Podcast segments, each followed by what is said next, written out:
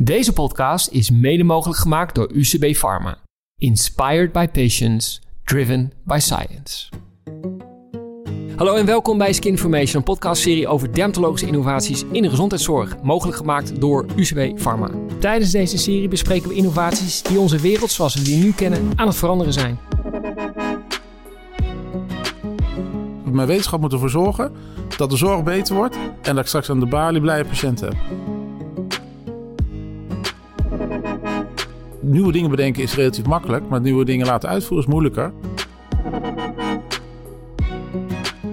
Wetgeving, financiering en dat soort dingen, die volgen uiteindelijk op innovaties. Dus je moet niet wachten op de financiering, je moet niet wachten op de wetgeving.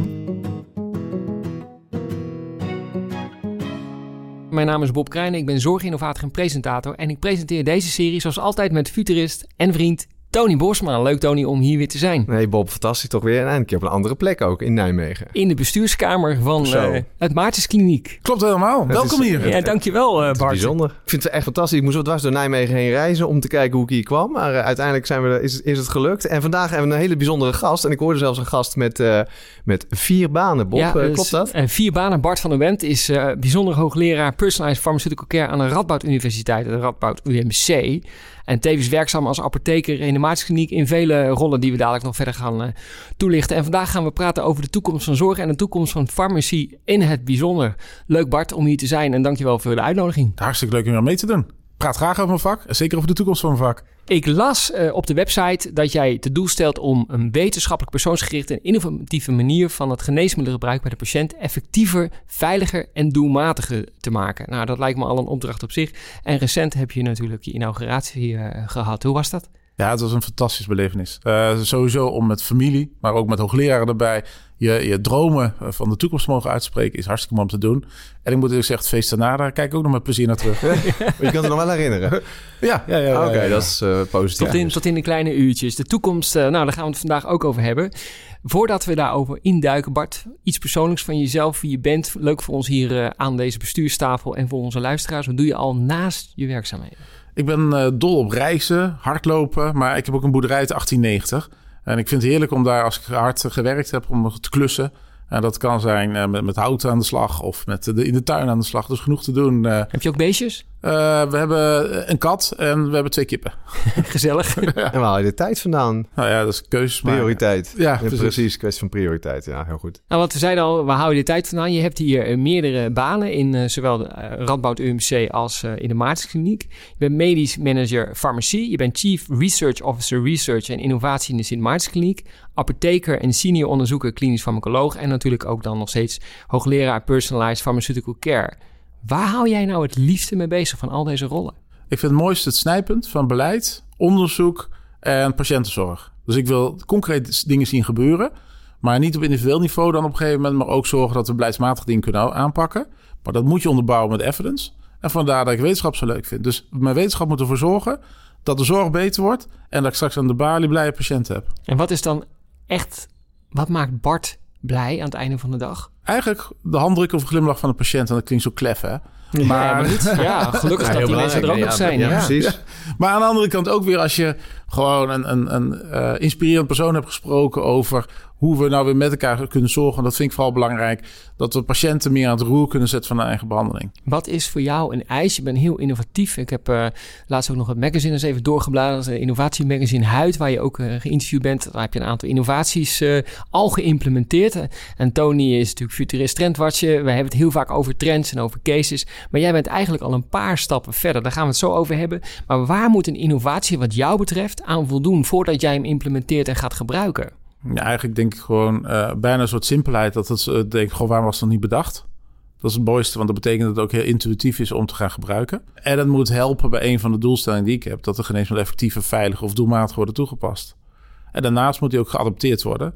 Geadopteerd worden door zorgverleners, maar zeker ook door patiënten. En de innovatie, zeggen Tony en ik vaak, is zo goed als dat de eindgebruiker hem kan gebruiken. Ja. De simpelheid, het moet begrijpbaar zijn. Dat is ook een van de dingen die jij meeneemt in jouw beslissing om wel niet te implementeren. Ja, of gaan kijken hoe het wel kan. Dus bijvoorbeeld een van de dingen waar we nu aan het kijken zijn... hoe komt het nou dat het e-health relatief weinig geadopteerd wordt in de zorg... terwijl je heel veel andere e-functies wel ziet. En dan gaan we nu bijvoorbeeld een burgerplatform doen. Dat we gewoon 30 patiënten twee dagen in een hotel zetten. Met allemaal inspirerende sprekers. En dan kijken, uh, wat, gaan we nou, wat hebben we nou nodig om te zorgen dat dingen wel geadopteerd worden. Nieuwe dingen bedenken is relatief makkelijk, maar nieuwe dingen laten uitvoeren is moeilijker. Dus aan de implementatiekant zitten heel wat vragen die ik graag wil oplossen. Maar waarom denk je dat e-health minder wordt geaccepteerd? Ik ben bang dat het een soort conservatisme is. Ja. En er zijn ook belangen. En dat is heel logisch hoor, en die respecteer ik ook. Uh, maar als we met elkaar over, nou zeg 20, 30 jaar, hebben we twee keer zoveel oudere mensen en de helft van het aantal zorgverleners. Dat betekent mijn inziens dat we aan de ene kant techniek meer aan werk moeten doen. En aan de andere kant de hoofdrol spelen in het hele verhaal, de patiënt. Die kan ook nog heel veel doen. En het systeem? Die moet het mogelijk maken. Ja, precies. En dat klinkt dat, nee, Ja, ik hoor het ook heel vaak. Hè, naast conservatisme of, of hè, misschien... Uh, ja, je werkt wel met, met mensen, met, met mensen, soms mensenlevens. Hè, dus wil je daarop innoveren. Dus dat is natuurlijk al een hele interessante. Dus het moet, moet zich echt bewezen hebben. Uh, maar ik ook heel vaak van... Ja, het, het systeem houdt ook heel veel dingen tegen. Volgens mij zijn we met elkaar. Je zijn bent zelf systeem. onderdeel van het systeem. En uh, we moeten ook niet denken de hele wereld wil veranderen. Nee. Maar als je gewoon in je eigen zandbak in je buurt al de eerste dingetjes gaat bouwen. Uh, dat vind ik al heel wat. En als het dan goed is, dan gaat het zichzelf. Nou, gaat niet vanzelf uitspreiden. Maar dan heb je veel baas om te kunnen spreiden. Vecht niet tegen het systeem, maak het overbodig. Ja, of, of ga mee in, in, in de, de, de flow van het systeem.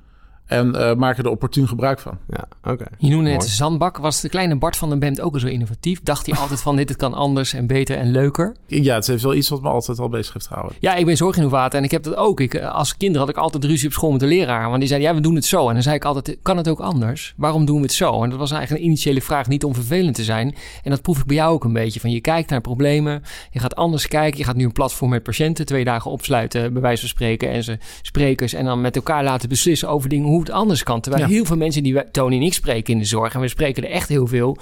Heel veel leggen zich ook meneer, ja, het e-health is, is een soort van aparte afdeling en het is, wordt moeilijk en lastig, financiële structuren, organisatie. En jij zegt, ja, we gaan het gewoon doen. Innovatie, uh, kijk, net zoals wetgeving, financiering en dat soort dingen, die volgen uiteindelijk op innovaties. Dus je moet niet wachten op de financiering, je moet niet wachten op de wetgeving.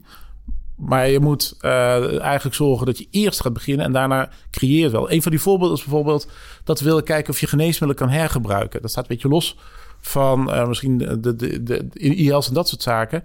Maar wel dingen anders willen regelen.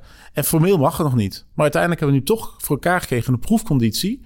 Dat uh, zelfs de inspectie zegt, nou, het hergebruik van geneesmiddelen gaan we toestaan. Ja. In die proefconditie. Je moet een beetje rebels zijn. Nou, grenzen opzoeken. Uh, juist. En nou, nog een stapje. Af en toe even over de grens heen ja, durven stappen. Met één been op, uh, op de goede kant van de grens. En de andere kant al uh, aan de buitenkant van de grens.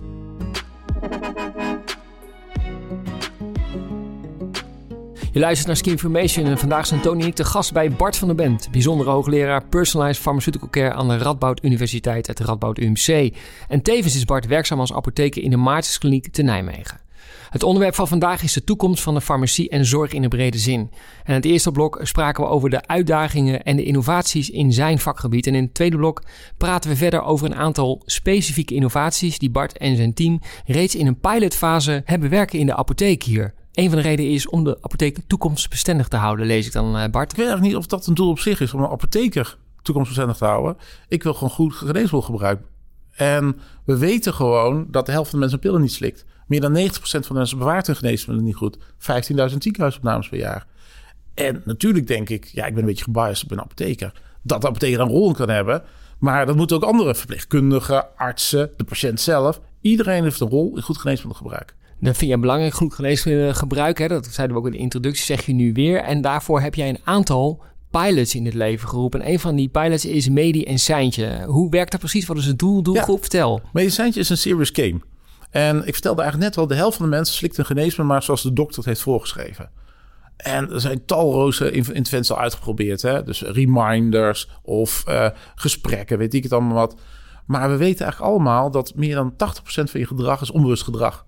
Dus ik heb mijn huis echt niet vanuit gezond verstand gekocht. Het voelde goed. En toen ben ik pas rationeel gaan maken waarom ik dat huis eigenlijk gekocht heb. Achteraf bedacht. Ja. En nou, datzelfde geldt eigenlijk voor geneesmiddelgebruik. Het begint met wat je onderbuik voelt en dan pas ga je uh, daarna handelen.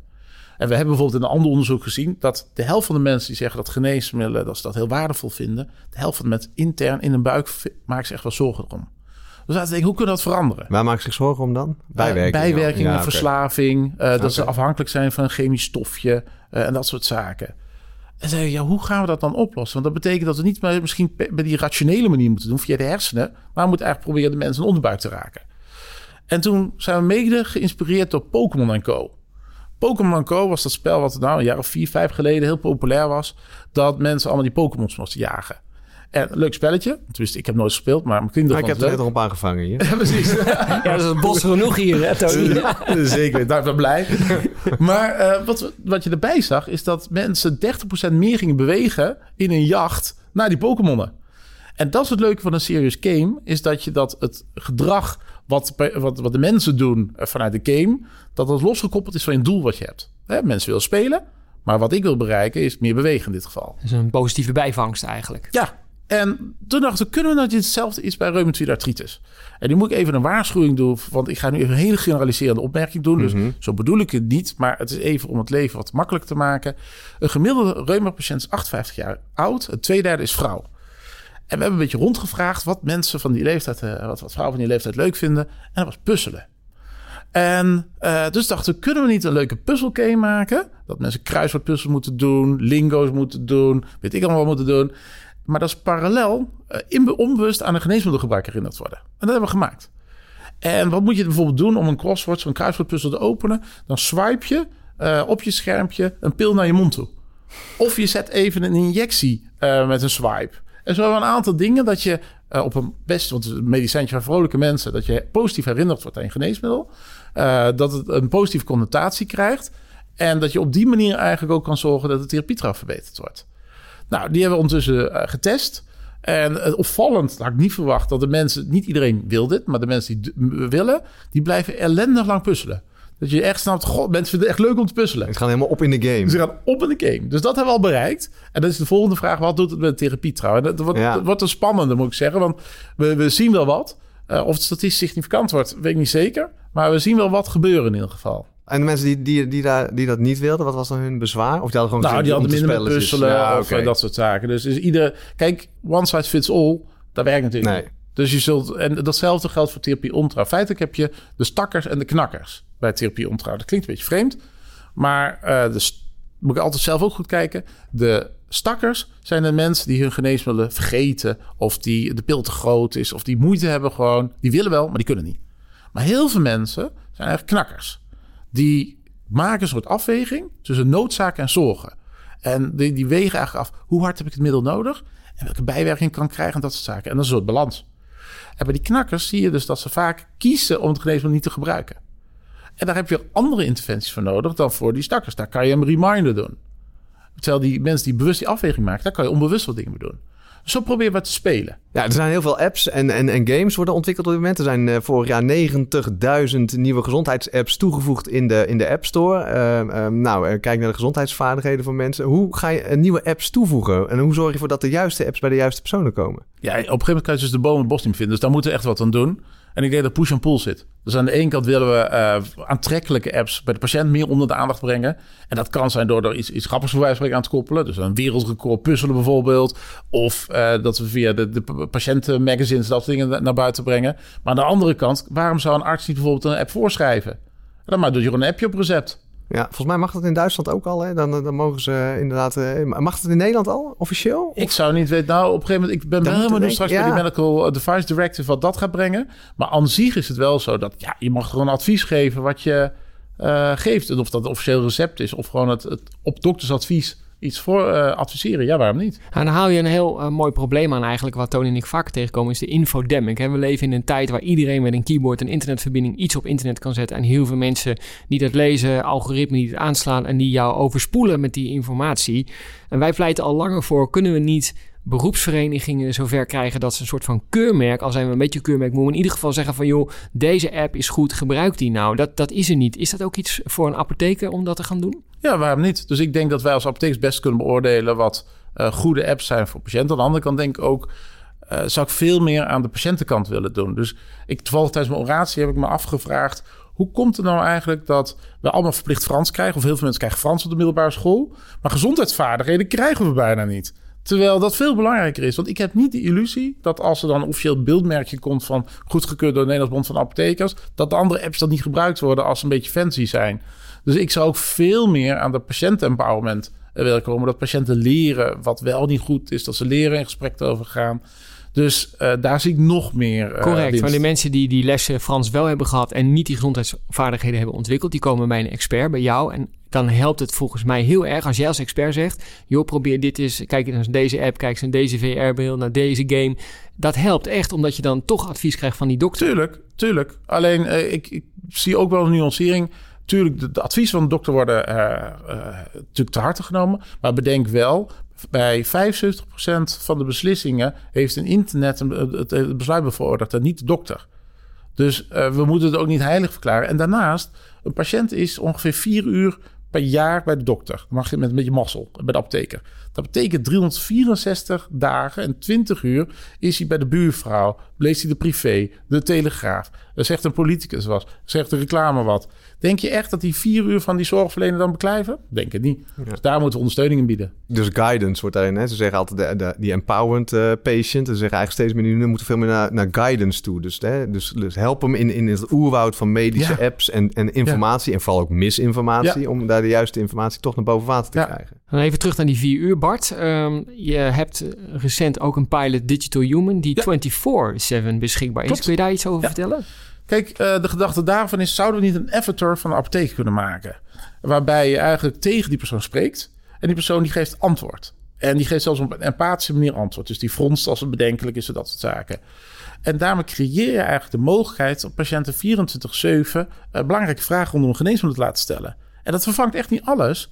Maar het is in ieder geval een mogelijkheid, als we praten over die 364 dagen en 20 uur, dat als er iets aan de hand is, dat je even kan, en, en even naar in dit geval de, de avatar kan vragen. Goh, ik ga stappen. Mag ik wel alcohol bij mijn geneesmiddel? Op een tijd die jou uitkomt, namelijk Precies. vrijdagavond 12 uur. Juist. En dan krijg je antwoord dat past. Ja, je ziet nu al, hè? je hebt ADA natuurlijk ook, dat is ook zo'n algoritme. Elke drie seconden krijgt ADA een medische vraag. Nou, dat kun je gewoon. En, en je kunt ook met, met, met zo'n avatar kun je ook gewoon praten, zeg maar. In plaats van als te typen. Of nou, dat, dat is een tweede voordeel. Want dat, dat onderschatten we. 23% van de mensen is health illiterate. Hè? Dus is minder gezondheidsvaardig.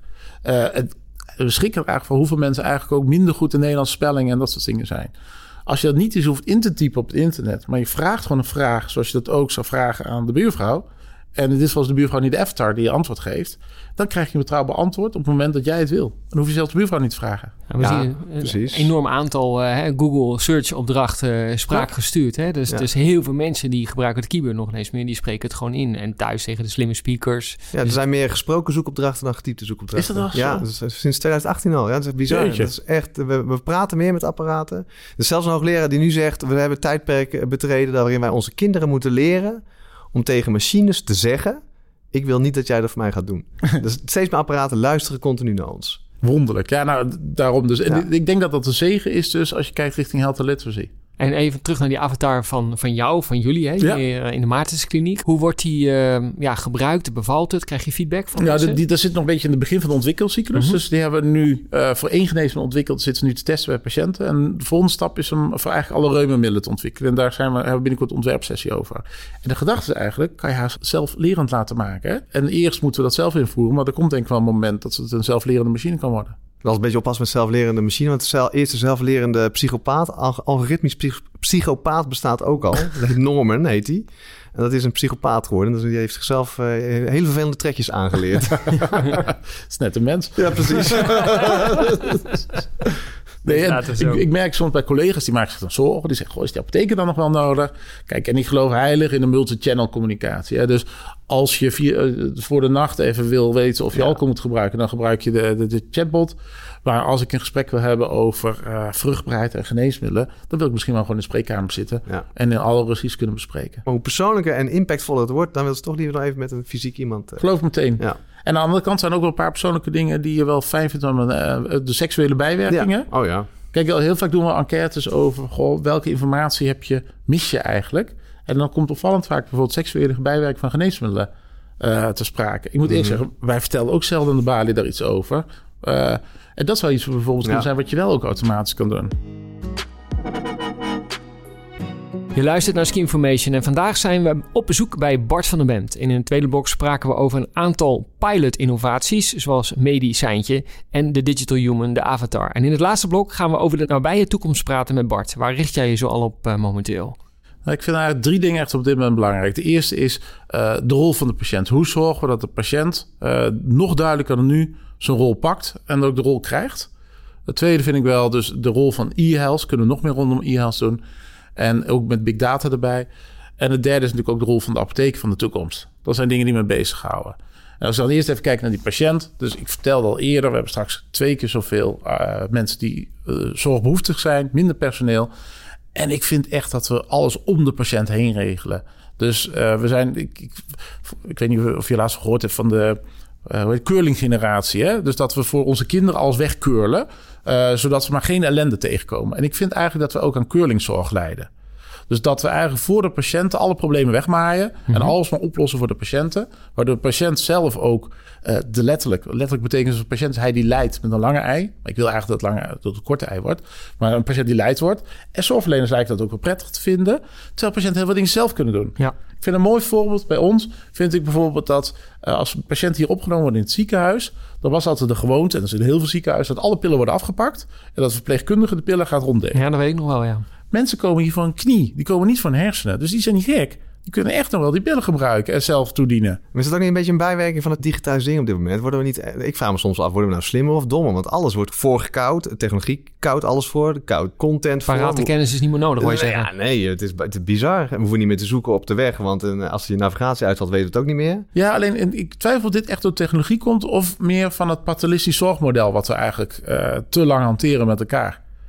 En terwijl ik veel meer denk dat we van dat paternalistisch zorgmodel naar een, een patient-driven zorgmodel moeten gaan. En hoe komen we daar? Nou, dat, dat is het interessante. Daar liggen de taken voor twee, uh, voor de patiënten. We zullen echt veel meer moeten verzorgen dat de patiënt meer weten, meer verantwoordelijkheid krijgen, maar ook ze aanspreken op verantwoordelijkheden. Momenteel wordt dat niet gewaardeerd in het zorgsysteem, kan ik zeggen, als ervaringsdeskundige. Als ik zelf zeg wat ik wil, wat ik kan en wat ik, dan, dan, dan word je eigenlijk met de nek aangekeken. Of ja, wie denk jij wel niet dat je bent? Door wie? Door, Door artsen of, of verpleegkundigen ja. of mensen aan de balie. Dat, daar is het systeem niet klaar voor op dit moment. Eigenlijk best wel jammer dat je zegt, daar is het systeem niet klaar voor. Want ik denk dat we met elkaar moeten kijken, hoe krijgen we dat systeem er klaar voor? Correct, ja. En hoe krijgen we dat systeem er dus, klaar voor? En dat betekent, dat, dat is push and pull, wederom. Dat betekent dat we aan de ene kant richting opleiding richting patiënten, communicatie met patiënten. Ik denk ook aan internet 3.0. Dus, dus patiënten met elkaar verbinden en zo een krachtige vorm geven.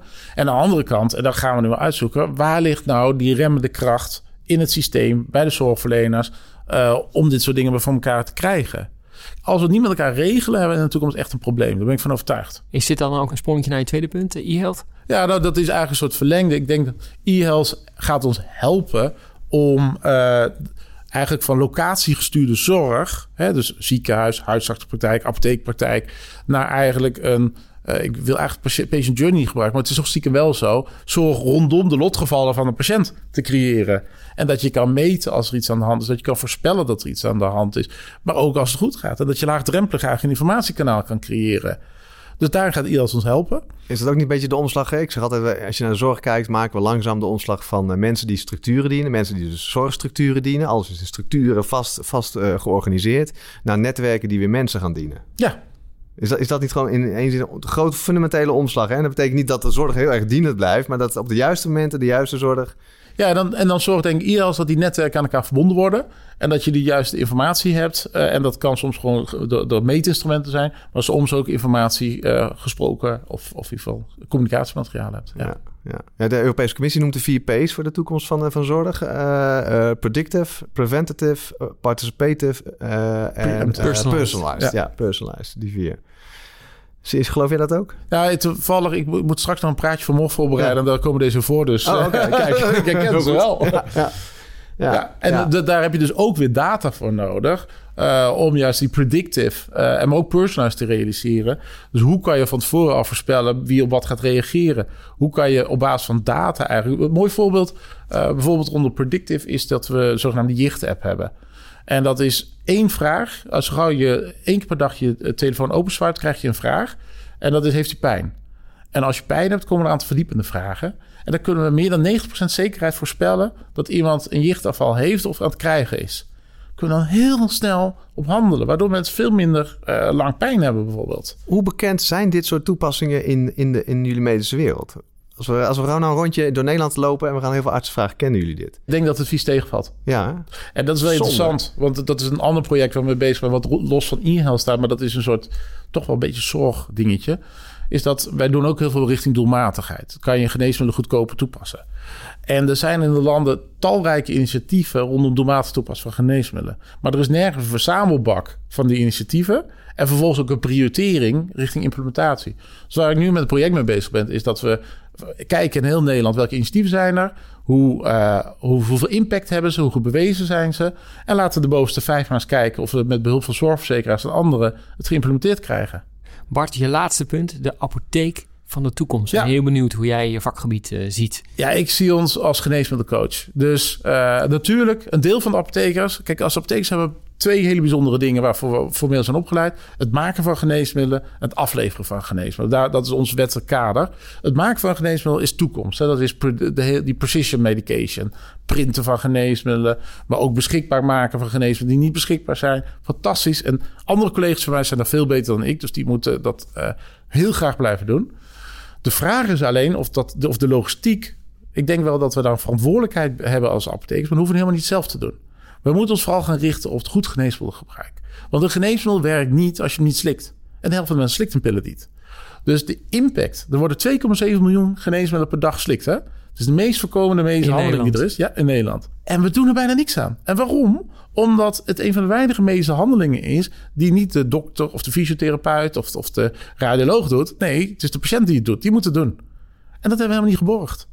Dus wij stoppen miljoenen, miljarden om geneesmiddelen te ontwikkelen. We hebben hele sterke eisen om eh, een geneesmiddel de markt te brengen. En dan passeert er de toonbank van de apotheek. En dan doen we allemaal onze ogen dicht, kop in het zand. En dan zien we wat er gebeurt. Voor de meest voorkomende interventie. En dat is doodzonde. Geef 15.000 ziekenhuisopnames per jaar. De helft van de mensen slikt er niet. Allemaal dingen die we kunnen verbeteren. Ook binnen dermatologie zien we dat natuurlijk. Dus laten we daar vooral met elkaar gaan kijken hoe we dat kunnen verbeteren.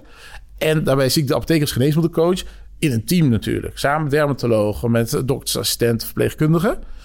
En ik zou best wel gaaf vinden in de toekomst dat ik hier eigenlijk geen fysieke apotheek meer heb, maar dat ik onderdeel ben van het behandelteam, een spreekkamer heb, vanuit daar mensen eh, ofwel direct live ondersteuning geven voor persoonlijke dingen, dan wel op afstand eh, ondersteuning geef, gevoed door informatie van wearables en dat soort zaken. En dat ik mensen ook kan coachen in een Een geneesmiddelgebruik. apotheek zonder apotheker. Andersom, een apotheker zonder apotheek. Want de apotheker als geneesmiddeldeskundige, ja, die blijft natuurlijk. Alleen die zit fysiek ergens anders. En die zit in een ander netwerk ook. Die zit, en dan kom je bij Ja. het netwerk, die is onderdeel van dat netwerk. Precies. Dus we, we gaan naar gebouwloze zorg, zou ik maar zeggen. Het gebouw doet er echt niet toe. Dus er zijn blokken beton, een steen. Het gaat om connectie rondom de patient journey. En daarmee zijn we aan het einde gekomen van deze Ski Information. En Bart, eh, hartelijk dank eh, dat jij onze gast was. En je hebt eh, vier functies. Ik heb er een vijfde bij bedacht voor je. En dat is eh, ja, apotheker, zorginnovator, futurist, denk ik vanaf nu. Ja, weet je, ik, ik hou van werk, ik heb passie van werk en ik, ik hou van patiënten. En ik wil dat die gewoon goed de pillen gebruiken. En als dat gebeurt, ben ik tevreden. Maar het mooie is ook, je staat open voor het andere en je slaat niet dicht door het bestaande. Nee, maar je moet bouwen op het bestaande. En je kan alleen maar transformeren vanuit een nulsituatie. En daar zitten we in. Want anders ben je los van de wereld. Luisteraars, bedankt voor het luisteren. En Jordan, bedankt voor de techniek en de montage. En ben je geïnteresseerd als luisteraar in andere afleveringen van Ski Information? Het recent verschenen magazine Huid, waar onder andere een uitgebreid interview in staat met onze gast van vandaag. Of het trendrapport. Kijk dan eens op www.medicalinnovation.academy slash. Seen enough, neither did we. Deze podcast is mede mogelijk gemaakt door UCB Pharma. Inspired by patients, driven by science.